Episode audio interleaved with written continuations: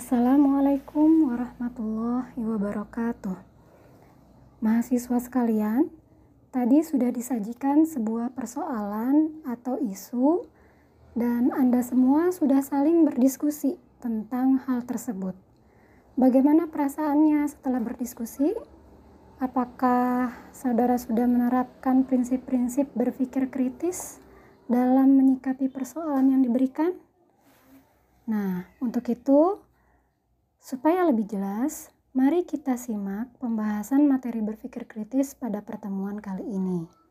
Ya, sehingga nanti eh, mahasiswa sekalian bisa merefleksikan ya apa yang sudah dilakukan tadi saat berdiskusi. Pada pertemuan pertama ini, kita akan belajar tentang konsep dasar teori berpikir kritis. Silakan mahasiswa melihat slide materi yang sudah dibagikan. Berpikir kritis menjadi istilah yang sangat menarik dibicarakan dalam dunia pendidikan saat ini. Walaupun sebenarnya tradisi berpikir kritis itu sendiri sudah lama ada ya dan masih terus berkembang. Perkembangan tradisi berpikir kritis telah menarik minat banyak peneliti ya untuk mempelajarinya. Dan hal ini juga sejalan dengan kampanye pemerintah yakni oleh Dirjen Dikti Pendidikan Tinggi yang menyelenggarakan kompetensi pemikiran kritis mahasiswa. Nah, seiring dengan perkembangan era informasi yang semakin pesat, kehidupan yang semakin kompleks, Kemampuan berpikir kritis itu dipandang sebagai suatu kompetensi dasar. Sama halnya seperti kemampuan membaca, menulis, ya seperti itu. Mengapa hal ini sangat penting terutama bagi mahasiswa? Banyak materi pembelajaran yang ada saat ini sering kali membuat mahasiswa justru tidak menemukan makna dari pembelajaran itu sendiri Pembelajaran banyak diterima oleh mahasiswa itu sebagai suatu hal yang bersifat hafalan. Nah, kenapa kira-kira? Karena pembelajaran diserapnya secara hafalan, sehingga ilmunya itu tidak bertahan lama mengendap pada diri mahasiswa atau diri seseorang. Jadi belajar seakan-akan menjadi eh, apa ya, semacam formalitas gitu. Supaya pembelajar bisa sungguh-sungguh ya, supaya mahasiswa bisa sungguh-sungguh mengalami proses pembelajaran dan betul-betul mengetahui inti dari pokok pembelajaran itu, maka sangat diperlukan kemampuan berpikir kritis. Seperti itu ya. Sehingga tujuan dari sesi pertemuan ini adalah mahasiswa mampu menguasai konsep dasar teori berpikir kritis.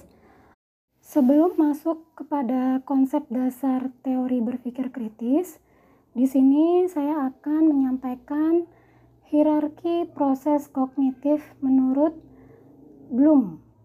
Ya, di sini seorang ahli menyatakan bahwa ada jenjang proses kognitif yang dimiliki dan harus dicapai oleh seseorang ya agar apa agar proses kognisinya berjalan secara optimal Proses kognitif itu adalah segala aktivitas yang menyangkut otak, gitu ya. Proses berpikir ya, artinya proses kognitif sama dengan proses berpikir yang dibagi menjadi enam tingkatan, ya sesuai dengan jenjang terendah sampai tertinggi. Di sini dilihat mulai dari yang pertama, kedua, ketiga, keempat, kelima, dan keenam. Jenjang yang pertama itu adalah mengingat. Pada jenjang ini, menekankan pada kemampuan dalam mengingat kembali materi yang telah diketahui atau yang telah dipelajari. Contoh eh, kemampuan mengingat ini adalah misalnya ya, mampu mengingat atau hafal tentang nama-nama bagian organ atau anatomi tubuh. Mampu menyebutkan urutan alat-alat pencernaan atau misalnya mampu menyebutkan kosakata atau istilah asing atau bahasa Inggris dan lain sebagainya. Kemudian, kemampuan proses kognitif level kedua adalah memahami. Pada jenjang ini, pemahaman diartikan sebagai kemampuan dalam memahami materi tertentu yang dipelajari atau yang sedang diamati. Kemampuan itu mulai dari interpretasi ya. Interpretasi ini bahasa lainnya adalah menafsirkan. Kemudian memberi contoh termasuk juga mengklasifikasikan ya, mengelompokkan. Kemudian juga meringkas itu juga termasuk ya, meringkas suatu apa materi pelajaran. Kemudian juga menarik apa menarik kesimpulan Eh, menjelaskan tentang sesuatu atau membandingkan, yaitu termasuk dalam kemampuan memahami. Contoh, membuat uh, grafik pertumbuhan anak ya. Misalnya anak uh, balita gitu ya. Nah, itu termasuk uh, kemampuan memahami. Kemudian membandingkan anak yang gemuk dengan anak yang kurus menentukan anak yang kategorinya pendek dengan yang tinggi ya. Meringkas sebuah artikel atau laporan itu juga termasuk dan lain-lain. Masih banyak lagi contoh yang lain. Kemudian eh, kemampuan atau proses kognitif yang level ketiga ya yang di atas dari pemahaman adalah mengaplikasikan. Nah, pada jenjang ini aplikasi itu diartikan sebagai kemampuan menerapkan informasi pada situasi nyata. Ya, yakni menerapkan pemahamannya dengan menggunakannya secara nyata. Biar lebih jelas, contohnya e, mampu menerapkan konsep atau prinsip yang dimiliki ya, yang sudah diketahui. Misal, menerapkan rumus matematik untuk perhitungan tertentu, untuk menjawab soal tertentu gitu ya. Atau perhitungan Misalnya dalam kebidanan menghitung tetesan cairan infus. Ya, berdasarkan rumus yang sudah dipelajari sebelumnya untuk kasus-kasus tertentu misalnya. Atau menerapkan suatu metode atau cara untuk melaksanakan tugas yang baru dan lain-lain. Nah, kemudian jenjang yang keempat adalah menganalisis. Pada jenjang ini, yang dimaksud dengan kemampuan menganalisis adalah kemampuan untuk menguraikan suatu uh, apa suatu bagian atau materi menjadi komponen-komponen yang lebih kecil dan lebih jelas. Nah, kemampuan ini meliputi analisis bagian-bagian ya, termasuk juga menganalisis hubungan. Hubungan antara satu bagian dengan bagian yang lain atau satu aspek dengan aspek yang lain. Contohnya, menganalisis sebab-sebab semakin banyaknya kejadian stunting di Jawa Barat. Atau contoh lain menganalisis kondisi suatu desa. Menganalisis mengapa seorang menulis sebuah tulisan dan lain-lain. Masih banyak contohnya. Kemudian, kemampuan proses kognitif yang kelima adalah mengevaluasi.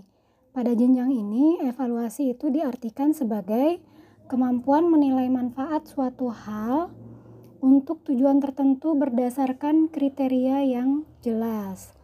Kegiatan ini biasanya berkenaan dengan uh, kemampuan memeriksa atau mengkritik sesuatu. Contoh, memeriksa suatu kesimpulan apakah telah sesuai dengan data-data yang ada ya.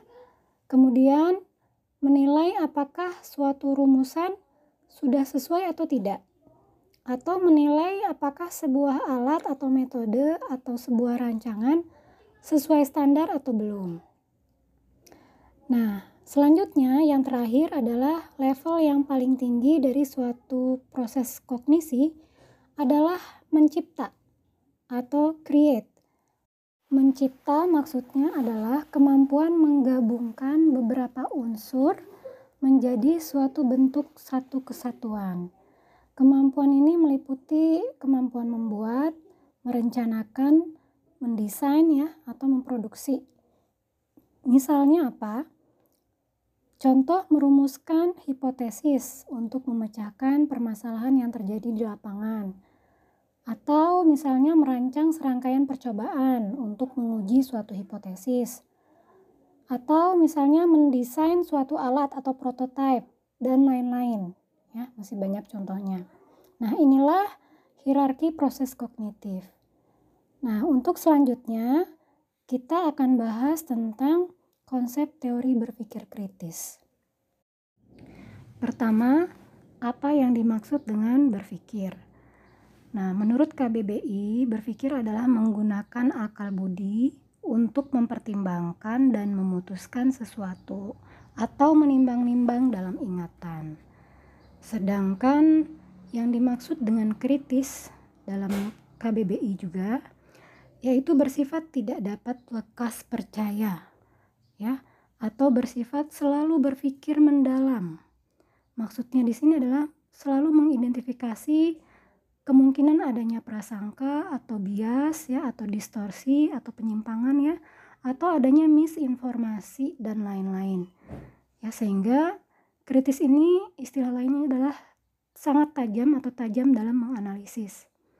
Nah, di sini harus diingat e, harus dibedakan ya. Berpikir kritis tidak sama dengan berdebat atau mengkritisi orang lain, ya. Jadi kata kritis ini terhadap suatu argumen itu tidak selalu identik dengan ketidaksetujuan ya.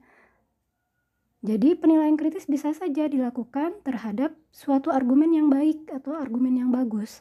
Sebab pemikiran kritis itu e, sifatnya bersifat netral, imparsial. Imparsial itu maksudnya e, menyeluruh ya, tidak setengah-setengah gitu ya. Jadi menilai sesuatu itu secara keseluruhan. Kemudian juga apa pemikiran kritis itu sifatnya tidak emosional. Ya, jadi itu ya sifat pemikiran kritis termasuk orangnya yang berpikir kritis adalah sifatnya netral, imparsial dan tidak emosional. Seperti itu konsep secara bahasanya. Nah, lalu apa sebenarnya yang dimaksud dengan berpikir kritis? Yaitu suatu proses ya atau suatu apa uh, rangkaian kegiatan mulai dari adanya interpretasi Interpretasi ini maksudnya penafsiran ya. Kemudian adanya uh, proses evaluasi ya yang sifatnya itu terarah, jelas ya. Kemudian terampil dan aktif terhadap suatu masalah yang meliputi uh, observasi atau pengamatan, merumuskan masalah, menentukan keputusan, menganalisis dan melakukan penelitian terhadap suatu masalah yang akhirnya menghasilkan suatu konsep atau simpulan. Ya, seperti itu. Jadi, seseorang yang berpikir kritis itu tidak akan menerima informasi baik yang sifatnya informasi verbal ya lisan atau tertulis begitu saja. Tetapi dari informasi yang sudah didapat itu, seorang yang berpikir kritis itu akan selalu mencari fakta-fakta yang mendukung informasi itu dan mencari asumsi ya asumsi itu maksudnya Eh, dasar-dasar pemikiran atau landasan apa yang menjadi uh, pemikiran dari informasi itu ya. Jadi mencari asumsi yang tersembunyi ya dan membentuk berbagai macam putusan atau simpulan terhadap informasi yang diperoleh. Nah sedangkan orang yang tidak berpikir kritis itu tidak dapat menggunakan hal-hal tersebut ya. Tidak dapat menentukan pilihan secara rasional artinya dia menerima informasi bulat-bulat gitu ya. Tidak tidak dilakukan upaya untuk memvalidasi atau mencari fakta apakah benar atau tidak ya. Informasi atau pengetahuan yang diperoleh. Kemudian bisa jadi akhirnya informasi yang dia peroleh itu membuat dia memutuskan sesuatu hal yang dapat membahayakan dirinya sendiri termasuk juga orang lain. Nah ini sangat uh, buruk dampaknya ya. Seseorang yang tidak berpikir secara kritis uh, atas atau terhadap eh, hal-hal uh, atau informasi atau kondisi yang dia hadapi. Nah, demikianlah konsep teori atau definisi atau batasan dari berpikir kritis. Uh, menurut para ahli, ya, berpikir kritis ini termasuk kemampuan tingkat tinggi ya. Jadi ada dua elemen atau dua syarat terjadinya apa munculnya kemampuan berpikir kritis pada diri seseorang. Yang pertama yaitu dia harus memiliki keterampilan berpikir atau cognitive skill. Jadi seorang yang ingin berpikir kritis, dia harus memiliki keterampilan berpikir gitu ya. Nah, keterampilan berpikir ini tentu saja harus melalui latihan. Ya, artinya tidak muncul begitu saja. Jadi melalui proses atau latihan bertahun-tahun, berpuluh-puluh tahun sehingga muncul kemampuan berpikir kritis yang baik. Kemudian, Yang kedua adalah kemauan dan kemampuan untuk menggunakan keterampilan tersebut. Nah, jadi sebenarnya semua orang punya potensi ya untuk menjadi pemikir kritis yang baik. Tetapi ada kalanya orang-orang tertentu dia tidak mau memanfaatkan atau menggali atau mengasah ya kemauan dan kemampuan tersebut gitu. Nah, jadi eh, selanjutnya berpikir kritis itu sebenarnya tidak menjamin ya akan tercapai suatu kebenaran atau simpulan yang benar. Nah, makanya ini perlu dilatih gitu ya. Pertama, uh, mungkin bisa jadi ya kenapa berpikir kritis itu tidak bisa mencapai suatu simpulan yang benar pertama bisa jadi tidak punya informasi yang sesuai ya tidak punya semua informasi yang sesuai nah ini harus diperhatikan kemudian juga mungkin informasi informasi yang penting mungkin tidak diketahui ya kemudian yang kedua kemungkinan karena bias seseorang dalam menemukan atau mengevaluasi informasi Nah, untuk mengatasi hal ini tentu saja dia harus memiliki pengetahuan dan wawasan yang luas. Ya, dan dia harus bersifat terbuka, gitu ya. Sehingga dia bisa uh, menggali lebih jauh ya berdasarkan pengetahuan atau pemahaman yang sudah dia miliki. Gitu. Nah, untuk supaya um, mendapatkan simpulan yang benar ya, akhir dari berpikir ini berpikir kritis ini adalah adanya suatu simpulan yang betul atau valid Nah, maka seseorang juga harus menyadari kemungkinan dia mengalami kekeliruan dalam menyimpulkan, dalam proses untuk uh, berpikir kritis tadi. Ya, misalnya uh, apa? menerima bahwa setiap orang mempunyai bias yang tidak disadari. Ya. Jadi artinya setiap orang itu bisa jadi dia konsep berpikirnya salah atau dia agak keliru Nah, itu harus disadari oleh setiap orang, gitu ya. Jadi jangan merasa selalu benar atau benar sendiri. Kemudian selalu mengevaluasi kembali sebelum apa meyakini atau mempercayai suatu informasi atau suatu hal atau suatu kondisi ya. Dan harus menyadari bahwa setiap orang itu memiliki eh, yang namanya blind spot. Blind spot ini artinya sebuah area yang sulit dijangkau oleh panca indera atau hal-hal yang di luar uh, jangkauan rasa dan uh, apa pemikiran manusia ya. Misalnya ya mungkin sesuatu yang belum dia dapatkan ilmunya seperti itu. Dia baru dapat ilmunya kalau seandainya dia tahu orang lain yang memberitahu gitu ya nah atau misalnya dari para ahli atau yang pakar gitu ya seperti itu jika dilihat dari jenjang proses kognitif yang disampaikan oleh ahli ya belum yang sudah kita bahas di awal, maka kemampuan berpikir kritis ini adalah kemampuan yang berada pada jenjang nomor 4 dan 5 ya yaitu kemampuan untuk menganalisis dan mengevaluasi. Jadi ini adalah kemampuan tingkat tinggi, high order thinking. Nah, tentu saja kemampuan berpikir kritis ini sekali lagi yang sudah saya sampaikan sebelumnya tidak muncul begitu saja tapi perlu latihan yang bertahun-tahun, berpuluh-puluh tahun ya, sehingga dia bukan merupakan loncatan ya, e, apa langsung ke jenjang 4 dan 5. Tetapi tentu saja dia harus melalui jenjang-jenjang yang di bawahnya ya. Seperti tadi mengingat, jenjang yang pertama memahami, mengaplikasikan, menganalisis, mengevaluasi. Ya contoh lah yang paling gampang eh, apa seorang dokter atau seorang bidan tidak akan mungkin dia bisa mendiagnosis seseorang misalnya e, menderita suatu penyakit ya tiba-tiba dia bisa langsung menganalisis mengevaluasi ya tanpa dia harus tanpa dia belajar tentang materi atau teori tentang penyakit ya. Kemudian memahami anatomi fisiologi ya. Kemudian dia memahami bagaimana cara melakukan pemeriksaan yang baik dan benar bagaimana cara menganamnesis tidak mungkin. Tiba-tiba dia bisa menganalisis ya suatu kondisi atau masalah yang dialami oleh pasien secara kritis tanpa dia melalui tahapan dia mempelajari hal-hal yang dasar ya seperti itu. Nah inilah uh, kaitan dari uh, teori berpikir kritis dengan proses kognitif yang disampaikan oleh Bloom. Kemudian nanti ada yang paling tinggi setelah berpikir kritis itu adalah berpikir kreatif ya yaitu level 6 atau create tadi atau mencipta. Jadi berpikir kreatif itu nggak muncul ujuk-ujuk ya seseorang menjadi kreatif tidak. Tetapi itu juga membutuhkan proses sejak dari awal sampai ke level yang selanjutnya sampai level yang paling tinggi ya. Seperti itulah uh, hubungan atau keterkaitan uh, kemampuan berpikir kritis dan kreatif dengan proses kognitif. Nah, untuk selanjutnya ada beberapa indikator berpikir kritis. Jadi karena kita, uh, mahasiswa sekalian tadi udah tahu ya berpikir kritis itu pada jenjang yang mana sehingga dia punya indikator-indikator yaitu antara lain uh, adanya keterampilan analisis di dalamnya. Ya. Analisis itu maksudnya suatu konsep atau suatu materi menjadi komponen-komponen yang jelas atau menganalisis hubungan sebab akibat yang sudah dijelaskan sebelumnya.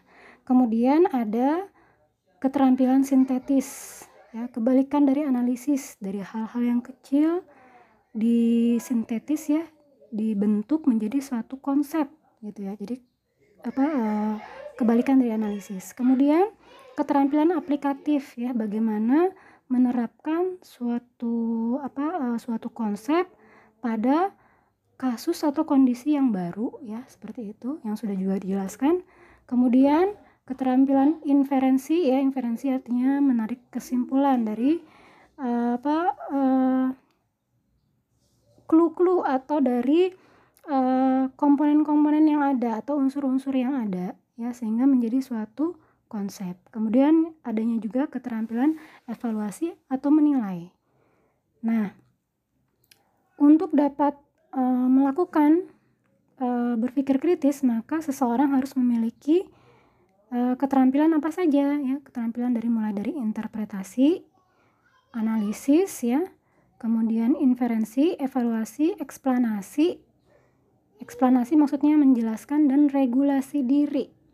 Gitu ya. Jadi uh, dia harus bisa melakukan penafsiran ya untuk melakukan penafsiran dia harus tahu paham dulu lah paham dulu tentang kondisi tersebut ya misalnya tadi seperti contoh yang sudah saya sampaikan seorang dokter atau seorang bidan jika dia apa uh, diharapkan bisa melakukan diagnosis pasien dia harus paham dulu tentang teori-teori yang terkait dengan penyakit-penyakit atau misalnya seorang bidan jika dia ingin bisa mendiagnosis kehamilan dengan tepat ya uh, usia kehamilan dengan tepat berarti dia harus tahu dulu cara menentukan uh, apa rumus menghitung usia kehamilan misalnya seperti itu.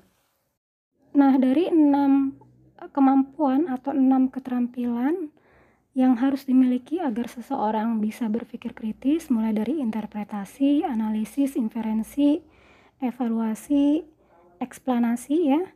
Eksplanasi tadi itu mempresentasikan atau menjelaskan hasil penilaian ya yang dilakukan secara meyakinkan.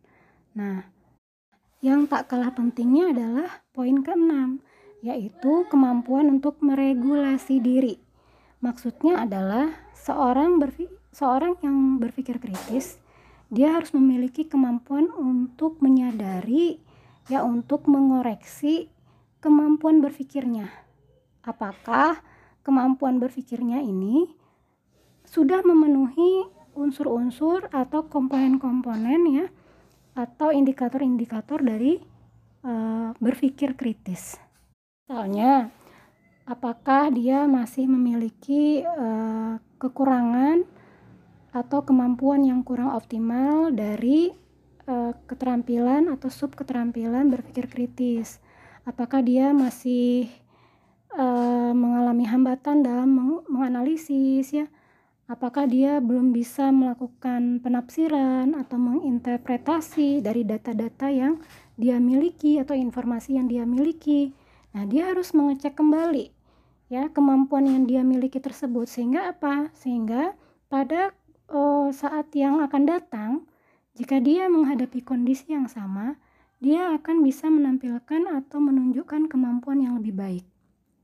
Contohnya, uh, di apa di bidang kebidanan seorang bidan pada saat dia melakukan pemeriksaan kehamilan uh, contoh yang paling kecilnya misalnya melakukan palpasi abdomen misalnya ya.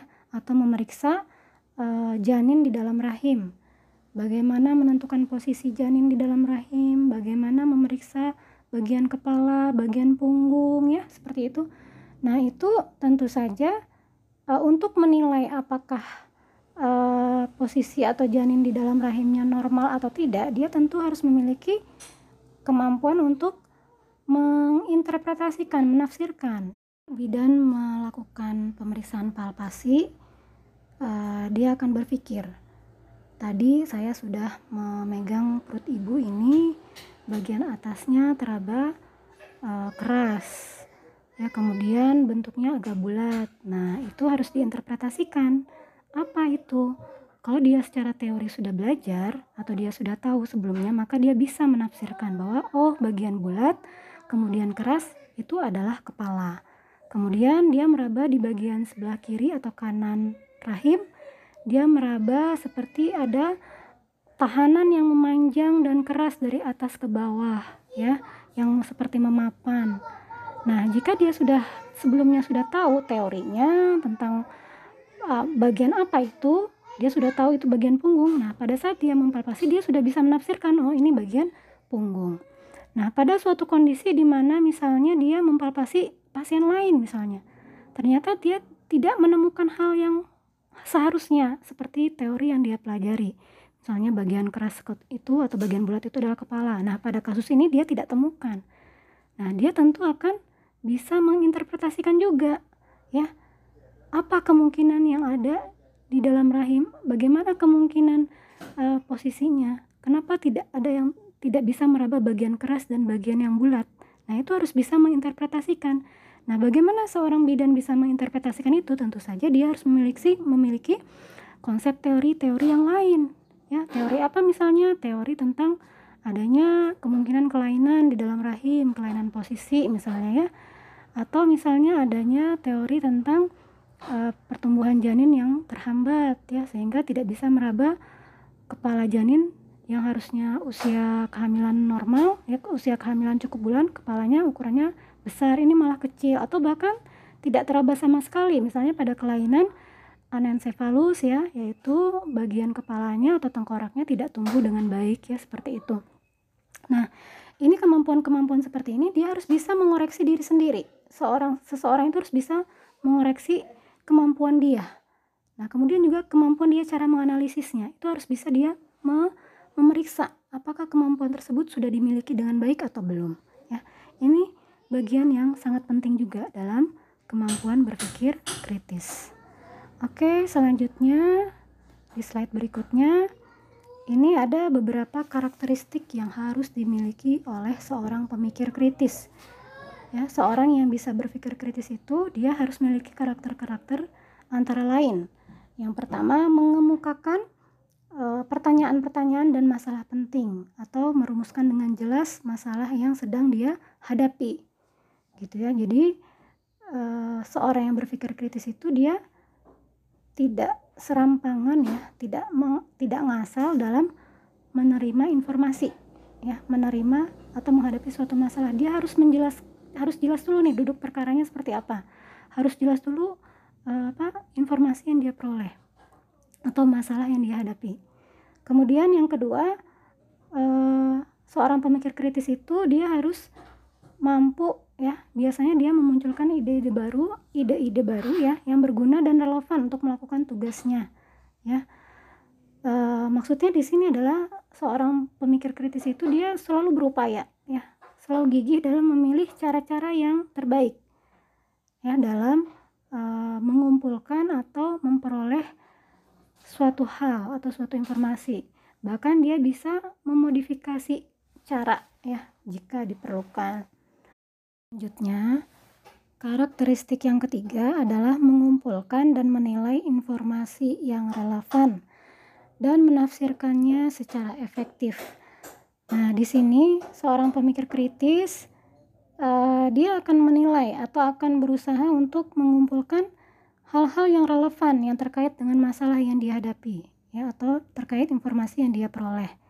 Contoh, seorang bidan menerima atau menghadapi seorang wanita dengan keluhan misalnya mual muntah ya datang dengan keluhan mual muntah. Tentu saja dia harus bisa melakukan anamnesa yang sesuai ya. E, jangan sampai dia melakukan anamnesa yang tidak terkait sama sekali ya. Contoh tadi mual muntah yang ditanya harusnya e, apakah haidnya terlambat gitu ya. Karena ada kemungkinan dia hamil itu satu. Kemudian yang kedua bisa jadi ada hal lain. Maka seorang bidan menanyakan bu apakah punya penyakit mah sebelumnya? Ya karena penyakit mah dengan kehamilan punya gejala yang sama. Salah satunya yaitu mual muntah. Ya seperti itu. Atau misalnya dia menanyakan hal yang lain lagi. Misalnya apakah uh, dia sebelumnya uh, habis makan uh, sesuatu misalnya yang membuat misalnya dia uh, mengalami gangguan mual muntah ya misalnya keracunan dan lain-lain habis makan makan apa misalnya. Itu juga bisa uh, salah satu yang bisa ditanyakan ya. Nah tentu saja cara menanyakannya ini tentu prioritas dulu ya. Apakah yang ditanyakan uh, terlambat haidnya dulu ya? Apakah ada keluhan atau gangguan penyakit mah misalnya yang dia miliki sehingga kedua kondisi ini uh, bisa ditentukan nantinya ya bisa dinilai apakah mual muntahnya karena uh, dia terlambat haid kemungkinan dia hamil atau karena dia memiliki penyakit gastritis atau mah?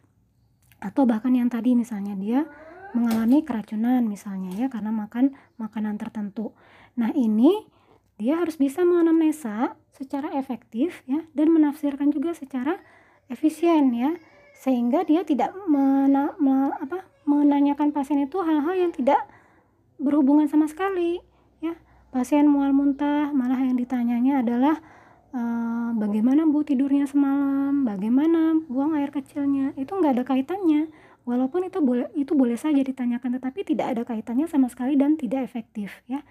Kemudian yang selanjutnya, karakteristik berikutnya adalah menarik kesimpulan dan solusi dengan alasan yang kuat, bukti-bukti yang kuat, dan mengujinya dengan menggunakan kriteria atau standar yang relevan. Nah, jadi uh, setelah pemikir kritis atau seseorang tadi mengumpulkan informasi yang relevan, dia harus bisa menarik kesimpulan berdasarkan bukti-bukti yang uh, cukup ya setelah dia melakukan pemeriksaan, pengamatan ya, pengumpulan data, setelah dia berpikir ke semua arah, baru dia nyimpulkan sesuatu sesuai dengan bukti yang ada, bukti yang cukup ya. Dan di sini seorang pemikir kritis dalam menarik kesimpulan dia selalu berhati-hati ya. Dia tidak tidak langsung menyimpulkan oh ini berarti ada kemungkinan uh, begini ada kemungkinan begitu ya.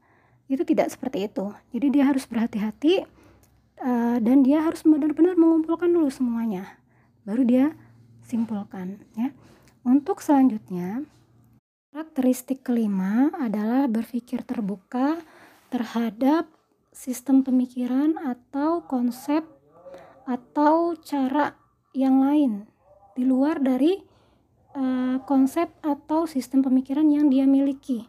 Ya seperti itu. Sambil dia mengenali apakah konsep atau sistem pemikiran itu ada nggak kaitannya atau hubungannya dengan uh, konsep atau sistem pemikiran yang dia miliki. Begitu. Nah jadi contohnya seorang bidan misalnya ya dalam mendiagnosis pasien eh, data-data yang dia kumpulkan uh, dia apa dia peroleh dari hanya melalui pemeriksaan fisik saja ya. Padahal sebenarnya ada lagi cara lain ya, misalnya harusnya dilakukan tes lab ya seperti itu. Harusnya dilakukan pemeriksaan penunjang ya untuk mengkonfirmasi atau memperkuat diagnosis yang sudah dia tegakkan. Selama ini dia tahunya hanya melalui pemeriksaan biasa saja. Itu sudah cukup padahal sebenarnya ada sistem lain ya, ada metode lain yang itu lebih baik tetapi dia belum tahu. Nah, seperti itu itu dia harus bisa uh, istilahnya berpikir terbuka ya menerima ya sambil dia mempelajari. Ada nggak kaitannya? Artinya dia mengupgrade lagi ya kemampuan yang sudah dia miliki. Kemudian karakteristik yang keenam seorang pemikir kritis itu dia harus bisa mengatasi kebingungan ya dalam menghadapi suatu masalah. Dia harus bisa membedakan antara mana yang fakta teori atau pendapat ya oh, hanya opini atau keyakinan seseorang. Nah ini harus bisa dihadapi. Bagaimana caranya? Ya tentu ini harus melalui latihan tadi. Dia harus memiliki modal dulu nih. Modal apa? Modal pengetahuan yang cukup ya. Kemudian informasi yang cukup dan relevan seperti tadi. Selanjutnya karakteristik pemikir yang kritis adalah bisa mengomunikasikan dengan efektif ya. Menyampaikan kepada orang lain dalam rangka memberikan solusi ya atas masalah yang dihadapi tanpa terpengaruh oleh pemikiran orang lain. Nah, ini contohnya Eh, misalnya dalam menghadapi seorang pasien ya pasiennya mengeluh uh, mual muntah misalnya ya.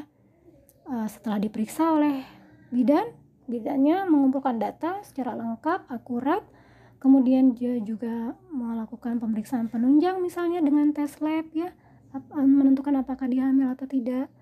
Nah dia langsung uh, menegakkan diagnosis saat itu ya berdasarkan data yang dia kumpulkan. Ternyata ibu itu tidak positif hamil jadi negatif hasilnya ya. Dia tidak hamil. Padahal ibunya tuh sangat-sangat menginginkan dia hamil. Lalu ah enggak kok bu saya mah telat haid misalnya. Saya merasa diri saya hamil nih saking pengennya hamil ya. Jadi muncul keluhan mual muntah ya. Ada yang gejalanya seperti itu ya. Nah tetapi dia sebenarnya tidak hamil. Hanya istilahnya psikosomatis ya misalnya nah tetapi bidan bisa mengomunikasikan secara efektif ya Misalnya Ibu berdasarkan hasil yang uh, pemeriksaan yang saya lakukan, saya sudah memeriksa Ibu, kemudian sudah tes lab, ini belum Mas belum pasti Ibu hamil. Tetapi untuk selanjutnya, nah solusinya apa? Dia bisa menyampaikan. Mungkin sebaiknya Ibu boleh karena ini uh, telat hamil telat haidnya udah tiga bulan misalnya boleh kita lakukan atau uh, saya sarankan untuk melakukan pemeriksaan USG untuk meyakinkan seperti itu. Kemudian, karakteristik yang terakhir, seorang pemikir kritis itu harus jujur terhadap diri sendiri. Ya, artinya dia harus bisa uh, mengakui kemampuan yang dia miliki. Sejauh mana kemampuan dia berpikir ya. Kemudian dia juga harus bisa menolak manipulasi ya. Artinya mengotak-ngatik data atau informasi yang seharusnya tidak ada diada-adakan, yang seharusnya ada ditiadakan. Nah itu tidak boleh seperti itu. Ya seorang pemikir kritis juga memiliki kredibilitas yang tinggi ya. Bisa dipercaya dan memiliki integritas. Artinya seorang pemikir kritis dia harus sama antara perkataan dengan tindakannya. Dia harus memiliki standar yang sama dalam menghadapi suatu kondisi dan tidak boleh standar ganda ya. Artinya dalam menghadapi kondisi yang A dan B karena ini kondisinya sama tetapi karena ada keberpihakan misalnya standarnya berbeda. Nah itu tidak boleh antara kondisi A dengan kondisi B atau pasien A dengan pasien B ya seperti itu nah kemudian juga secara intelektual dia independen mandiri ya tidak tergantung kepada pemikiran orang lain atau tidak tergantung kepada konsep di luar dirinya ya selama itu uh, sesuai dengan standar kemudian dia bersifat menyeluruh ya, tidak parsial, tidak sebagian-sebagian atau tidak setengah-setengah, dan dia bersifat netral. Nah, inilah karakteristik dari pemikir kritis yang diharapkan. Untuk selanjutnya, sebelum masuk ke upaya langkah-langkah berpikir kritis, uh, silahkan mahasiswa sekalian membuka latihan satu ya. Di situ nanti ada latihan dan silahkan dikerjakan sesuai dengan waktu yang diberikan.